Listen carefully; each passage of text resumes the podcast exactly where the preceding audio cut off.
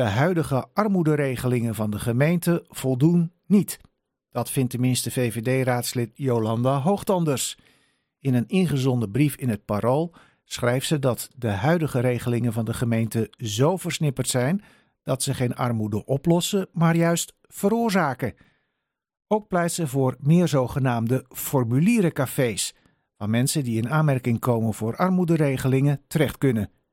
In Noord hebben we zo'n formulierencafé aan het Hagendoornplein. Het wordt gerund door de organisatie Academie van de Stad in opdracht van diezelfde gemeente en woningstichting IJmeren. Mensen met vragen worden daar te woord gestaan door studenten, zoals Mathieu Schollema. En volgens hem zit er wel een kern van waarheid in de bezwaren van het VVD-raadslid. Hier in het formulierencafé zien we bijna dagelijks dat mensen niet um, de, de regelingen krijgen waar ze wel voor in aanmerking komen. En dat is natuurlijk gewoon zonde om te zien. Ja, kun je daar een voorbeeld van geven?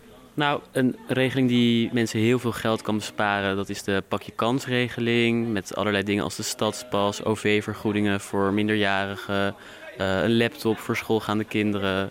En je ziet gewoon dat echt te weinig mensen die daar wel recht op hebben, die aangevraagd hebben. En komt dat dan ook inderdaad doordat die regels zo ingewikkeld zijn, die formulieren zo ingewikkeld zijn en ook niet op elkaar aansluiten, dat mensen daardoor afhaken? Ja, dat denk ik wel. Het is echt een weerwar van, van regelingen. Dus het is eigenlijk volstrekt logisch dat, uh, dat mensen daar niet meer helemaal uh, uh, de orde in kunnen zien. Maar wat, wat ook niet meehelpt, is dat voor het regelen van één klein dingetje moet je vaak al een heleboel geregeld hebben. Um, als je kwijtschelding wil aanvragen voor de afvalstoffenheffing, dan moet je accounts hebben op allerlei sites. Dan moet je een DigiD hebben, dan moet je daar allemaal maar kunnen inloggen. En op die manier werkt dat systeem elkaar uh, ontzettend tegen eigenlijk. En op het moment dat er één digitaal loket zou zijn, zouden die dingen misschien al wat uh, makkelijker toegankelijk zijn?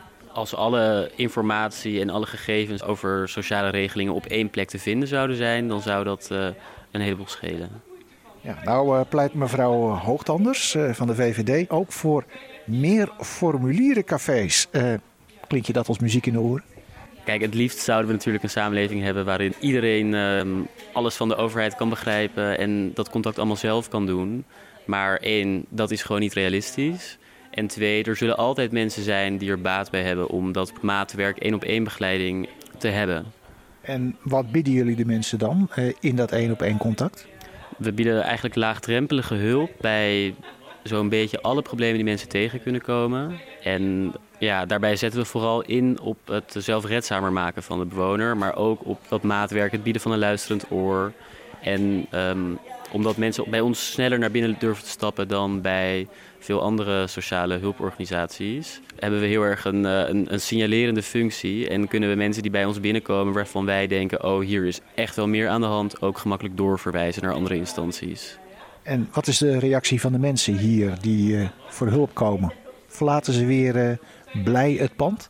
Ik heb regelmatig dat mensen blij het pand verlaten. Ik heb regelmatig dat ik op straat word aangesproken door bezoekers die me nog even willen bedanken voor mijn hulp.